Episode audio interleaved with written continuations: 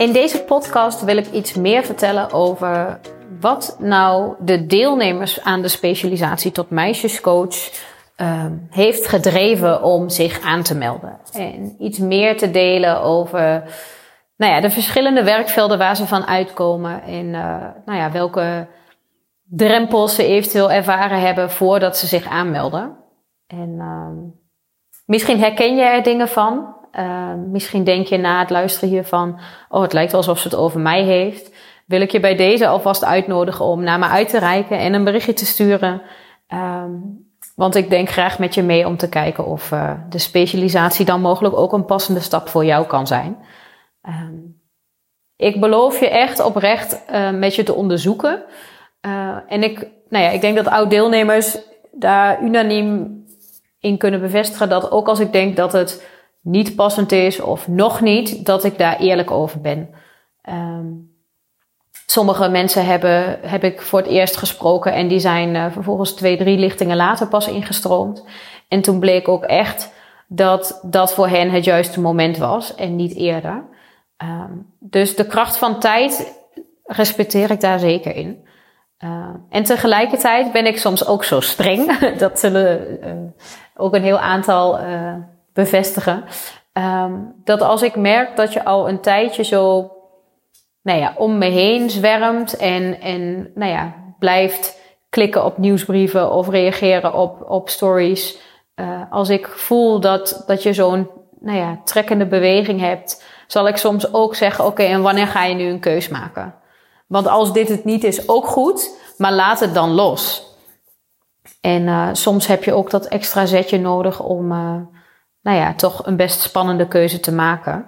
Um, en wat ik wel uh, bijzonder vind, is dat er een beetje verschillende nou ja, type um, deelnemers zijn. Dat uh, nou ja, je kunt een, een categorie heel erg vinden in bijscholing. Dus ze hebben al heel veel kennis en kunde van uh, of het onderwijs, of de hulpverlening, of de coaching. Maar voelen, ik wil mezelf echt nog meer toerusten, specifiek uh, in het werken met meisjes, meiden en vrouwen. Um, en ik merk dat er soms bij mijn eigen innerlijk meisje nog stukken zitten waarin ik geraakt word als ik werk met die doelgroep waar ik mee aan de slag mag. Um, en er is ook een doelgroep die eigenlijk een stukje, um, ja, hoe zal ik het zeggen, omscholing zoekt. Dus ze zitten wel in een mensgerelateerd beroep. Uh, of zitten wel bij een zorginstelling, maar niet per se in een functie waarin ze uh, heel erg hulpverlenend bezig zijn.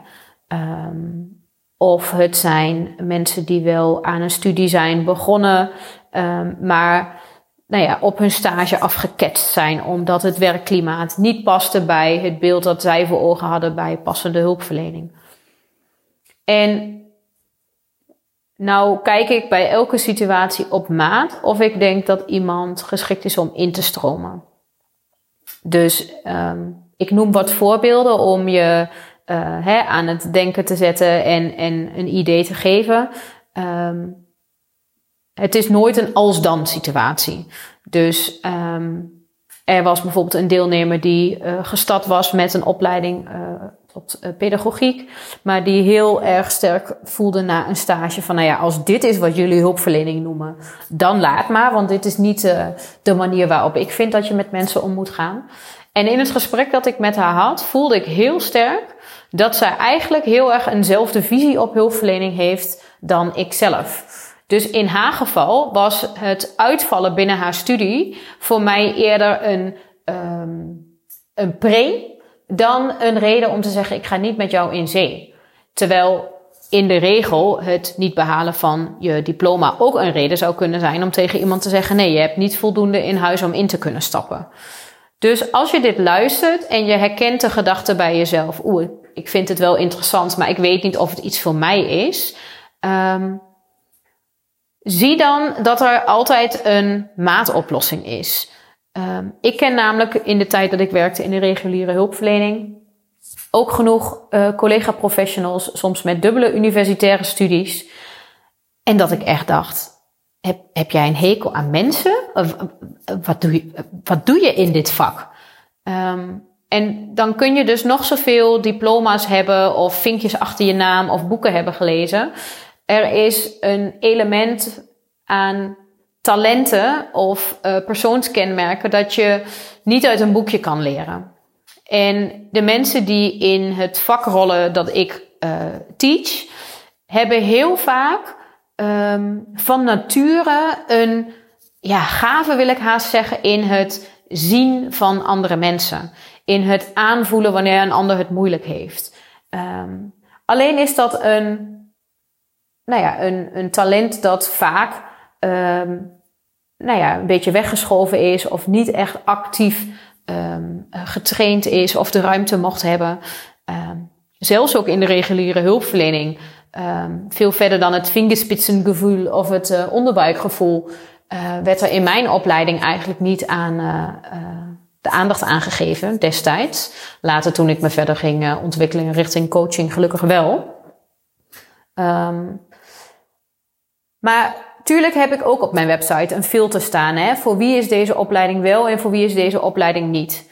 Um, dat is belangrijk omdat coaching een vrij beroep is. Um, het is geen beschermd beroep. Dus nou ja, elke automonteur kan uh, morgen bedenken en nu heb ik een coaching business. Um, en dat is ook de kritiek die er vanuit de media vaak op komt. Hè? Dat, oh, alweer een nieuwe coach. En uh, dat de kwaliteit van de hulpverlening die coaches bieden of de begeleiding nog wel eens te wensen overlaat. Um, en daar ben ik het, ik ben het daar wel mee eens voor een deel. Want um, hoewel ik het een kans vind dat uh, coaching een vrij beroep is. En een papiertje niet de enige weg is om te bepalen of jij kundig genoeg bent uh, geloof ik ook dat de kaf van het koren gescheiden mag worden. En dat als jij ervaringsdeskundige bent, dat niet alleen betekent dat jij daar een ander goed mee verder kan helpen. Uh, net zoals dat als jij een bepaald papiertje hebt gehaald, dat niet per definitie betekent dat jij ook kundig genoeg als mens bent om die begeleiding te kunnen dragen. Ik geloof heel erg in een combinatie van die twee. Dus je hebt je eigen ervaring te doorleven en aan te kijken en je eigen stukken op te ruimen. Uh, voordat je daar een ander mee verder kan helpen. Maar je brengt ook jezelf altijd mee. En als je dat onderbouwd doet met de juiste theorie en de juiste coaching van jouzelf, geloof ik dat je echt een hele mooie mix kan maken. Waarin je echt het uh, verschil kan maken van mens tot mens. En ik zie daarin echt een kans in de hulpverlening. Um, waar het reguliere hulpverleningssysteem heel erg gebouwd is op uh, bureaucratie op logge organen, waar maar de vraag is uh, hoe lang je moet wachten voor je aan de beurt bent. Uh, hoe weinig je dan ook vaak te zeggen hebt over met wie je mag werken. Dus het hebben van een persoonlijke klik, uh, ja, daar is vaak dan niet de ruimte of de tijd voor. Terwijl het in mijn optiek echt mega veel impact maakt of jij als mens een klik voelt of niet. Dat is ook waarom ik zelf heel graag um, uh, werk met uh, de mensen die bij mij in de praktijk komen, omdat zij voor mij kiezen. Uh, tuurlijk kies ik ook voor hen. En als ik voel dat er een collega is bijvoorbeeld die ehm, beter toegerust is, verwijs ik ook. Um, maar alleen daarin zit al een heel groot verschil. Iemand kiest voor mij omdat ze mijn manier van praten op de podcast, of de teksten die ik heb geschreven op de website, of de stories die ik deel op Instagram, omdat dat iets uitzendt waar zij zich uh, in herkennen of waar zij een klik mee voelen. En dat is essentieel in het resultaat dat vervolgens uh, bereikt kan worden. Um, tuurlijk wordt dat enorm gekleurd door de inzet die cliënten hebben, de inzet die ik zelf als professional heb, de kennis en kunde die ik heb als professional. Maar er zit een ontzettend grote factor in die klik in menselijke connectie. En ik vind het daarom dus ook goed nieuws dat er heel veel coaches zijn. Want hoe meer verschillende coaches er zijn, hoe meer keuze er dus is. En hoe meer specialisten er zijn, hoe meer uh, jij je kan verdiepen op een bepaalde materie, waardoor we nog meer mensen nog beter en uh, duurzamer kunnen helpen. Dus dat is eigenlijk de achterliggende reden in dat ik um, ook mijn kennis ben gaan doorgeven. Um, ik kom zelf uit de achterhoek. Ik ben opgegroeid op een boerderij met twee oer-Hollandse ouders, die allebei ook een geschiedenis hebben in boerenfamilies. En daar ben ik heel dankbaar voor en ik zou niet willen ruilen. En tuurlijk is het heel anders dan als jij bent opgegroeid tussen twee culturen. Als je opgegroeid bent in de Randstad. Hè, waar bijvoorbeeld criminaliteit bijvoorbeeld op straat heel veel meer speelde. Um, ik weet dat ik uh, daarin van betekenis kan zijn en toch niet echt weet hoe het is om daar op te groeien. Daarin zal een deel van wie ik ben als mens niet herkend worden of gespiegeld worden in de cliënten die zich daar bevinden. Hoe waardevol is het dan dat ik mijn kennis door kan geven aan um, aanstormend collega-professionals die daar wel raakvlakken mee hebben? Puur om hun eigen levensverhaal, puur om wie zij zijn als mensen of de familie waar zij uit uh, geboren zijn. Soms de taal die ze spreken. Uh, ik heb ook mensen gehad die uh, bijvoorbeeld de Duitse taal of de Engelse taal um, bemachtigden. Um, met dat ik het redelijk versta, uh, is hulp verlenen in een andere taal toch echt weer iets anders. En mijn agenda zit vol. Maar ik geloof heel erg ook in dat we samen nog meer van betekenis kunnen zijn. En als jij dit luistert, dan herken je dat waarschijnlijk. Dat je ook het gevoel hebt dat je van betekenis wil zijn. En um, iets voor een ander over hebt en de wereld een stukje mooier wil maken. En wie jouw doelgroep precies is, uh, misschien is het dezelfde als uh, de doelgroep die ik uh, verder help. En misschien zijn er bepaalde raakvlakken. Ehm, misschien ben jij nog meer gespecialiseerd. Ik heb een collega die zich bijvoorbeeld heel erg gespecialiseerd heeft in specifiek hoogbegaafdheidskenmerken bij meiden en vrouwen. Uh, ik heb een collega die zich gespecialiseerd had in uh, seksueel misbruikervaringen. Je kunt merken dat dat even heel specifieke, smalle voorbeelden zijn van een specialisme binnen het specialisme meisjescoaching of vrouwencoaching.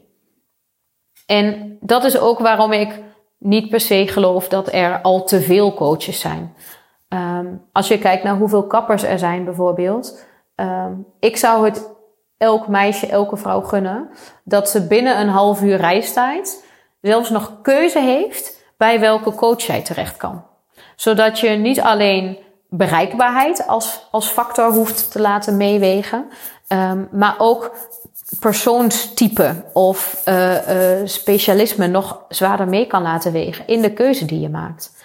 Uh, soms, heel plat gezegd, is het um, omdat ik niet op maandag werk um, en jij alleen op maandag vrij kan krijgen of voor de afspraken die je wilt inplannen. En ik geloof heel erg in, als het zo moet zijn, is er een mogelijkheid te vinden. En soms ja, werken praktische uh, randvoorwaarden tegen. En hoe fijn is het dan dat er collega's in de buurt zijn die dan ook volgens eenzelfde visie of volgens eenzelfde standpunt in de wereld um, bij kunnen dragen um, vanuit net een ander, uh, andere invalshoek. En als je dit luistert, denk je misschien, ja, oh, misschien ooit. Hè? Denk je, staat het voor ooit op mijn lijstje? Um, misschien trekt het je vanuit een stuk persoonlijkheid. Misschien trekt het je vanuit dat je moeder bent en uh, voelt dat je daarin voor je dochters iets hebt te doen. Um, Misschien is het iets wat je bij leerlingen of bij cliënten ziet in je werk, waardoor je voelt, ja, ik, ik mis een laag en ik zoek een stukje verdieping om nog meer van betekenis te kunnen zijn. Al die voorbeelden zijn langsgekomen. En ik heb ook alle voorbeelden gezien van mensen die bijvoorbeeld al een eigen praktijk hadden en tot de conclusie kwamen: nee, maar ik wil eigenlijk gewoon terug in loondienst, want het ondernemerschap past me minder en die een hele fijne baan in loondienst vonden mensen die in loondienst werkten en zeiden: nee, maar ik zit echt super goed op mijn plek. En uiteindelijk toch besloten om een eigen praktijk te starten. Um, mensen die zeiden: nee, maar ik blijf echt en en doen. Want uh, nee, ik, zit, uh, ik vind het te spannend om helemaal alleen voor, me, voor mezelf te gaan. En die uiteindelijk toch uh, hun baan in loondienst hebben opgezegd omdat ze volledig voor een eigen praktijk gingen. Um, ook moeders die voelden, ik heb een eigen stuk daarin te doen. En een stuk waarin ik mijn dochters beter wil begeleiden. En die vooralsnog er niet verder in hun werk iets mee doen. Um, en wat ik tegen de mensen die ik dan spreek bijna altijd meegeef, um, is dat voor mij er geen vaststaand eindresultaat is.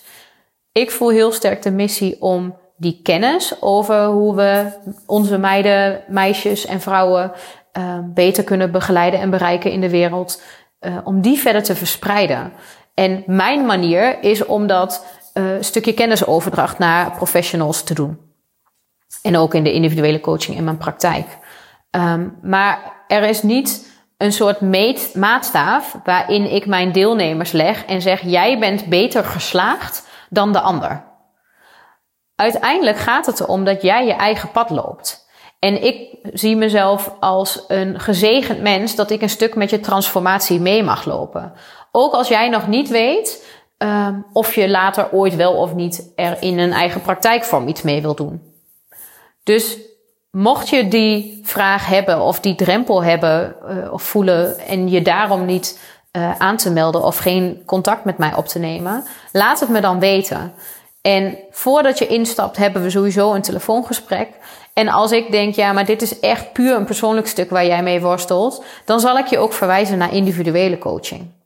Maar als ik voel dat er toch een, een wisselwerking is of een kruisbestuiving is, dan kan het zo'n toegevoegde waarde te zijn om onderdeel te zijn van een groep vrouwen, uh, gespiegeld te krijgen, uh, te zien dat je daarin niet alleen bent. Um, dat is een laag van verdieping waar ja, in mijn optiek persoonlijke ontwikkeling uh, ja, eigenlijk nog weer een laag dieper gaat.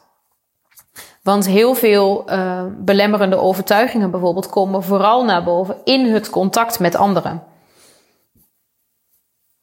Dus nou ja, dat is bij deze de uitnodiging, denk ik, om uh, dat te onderzoeken bij jezelf of met mij samen te onderzoeken als je een, een trekkende beweging voelt naar die specialisatie tot meisjescoach. En misschien hebt gedacht, ja, dat lijkt me tof, maar het is niet voor mij. Um, ja, dan daag ik je uit om dat door mij te laten bepalen of ik denk dat het in je zit of niet. Um, want de meetbare feitelijkheden alleen bepalen dat niet. Ik ben op 20-jarige leeftijd begonnen in de hulpverlening als maatschappelijk werkster. Ik heb inmiddels, nou ja, tig, tig, tig, uh, zowel cliënten als professionals langs zien komen. En heb uh, door ervaring en ook op gevoel uh, daarin, ja, het vermogen ontwikkeld om eigenlijk heel snel in een gesprek te zien of ik het iemand zie doen of niet. Of dat er nog iets mist of eerst iets anders nodig is.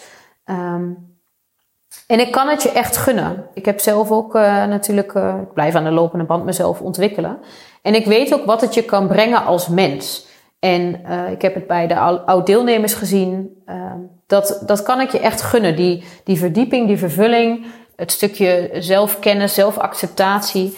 Um, meer stabiliteit, meer thuis zijn in jezelf. Um, dan voelt eigenlijk het een kers op de taart of een, een, een stukje bonus als je er ook nog professioneel iets mee zou kunnen doen. En natuurlijk vind ik dat ontzettend tof, omdat ik daarmee ook zie dat het ripple effect um, vergroot wordt.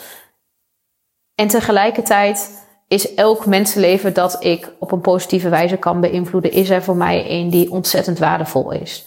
Dus uh, nou ja, in deze podcast wilde ik je graag uh, daarin meenemen. En ik heb mensen gehad die woonden in Duitsland, die in elke hoek van uh, het puntje van Zeeland, bijna België, tot onderin Limburg, tot Brabant, tot Utrecht, tot uh, uh, toen in één lichting drie uit Rotterdam. nou ja, van alle hoeken heb ik ze mogen verwelkomen. Ook gewoon uit mijn eigen gemeente Oost-Gelre.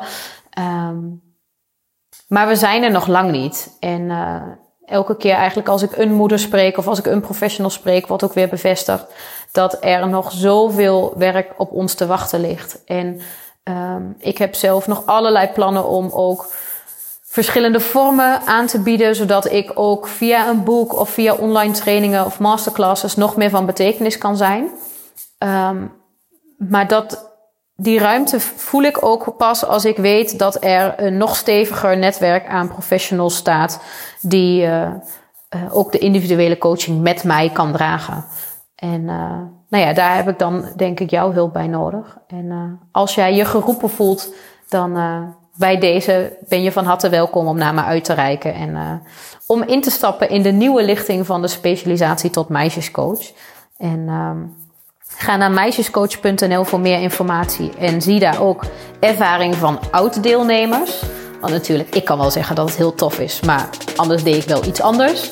Um, dus zie ook daar wat het hen gebracht heeft. En uh, um, als je praktische bezwaren hebt of vragen, rijk uit. En dan uh, wens ik je voor nu een fijne dag en dank je wel voor je tijd en het luisteren. Tot de volgende!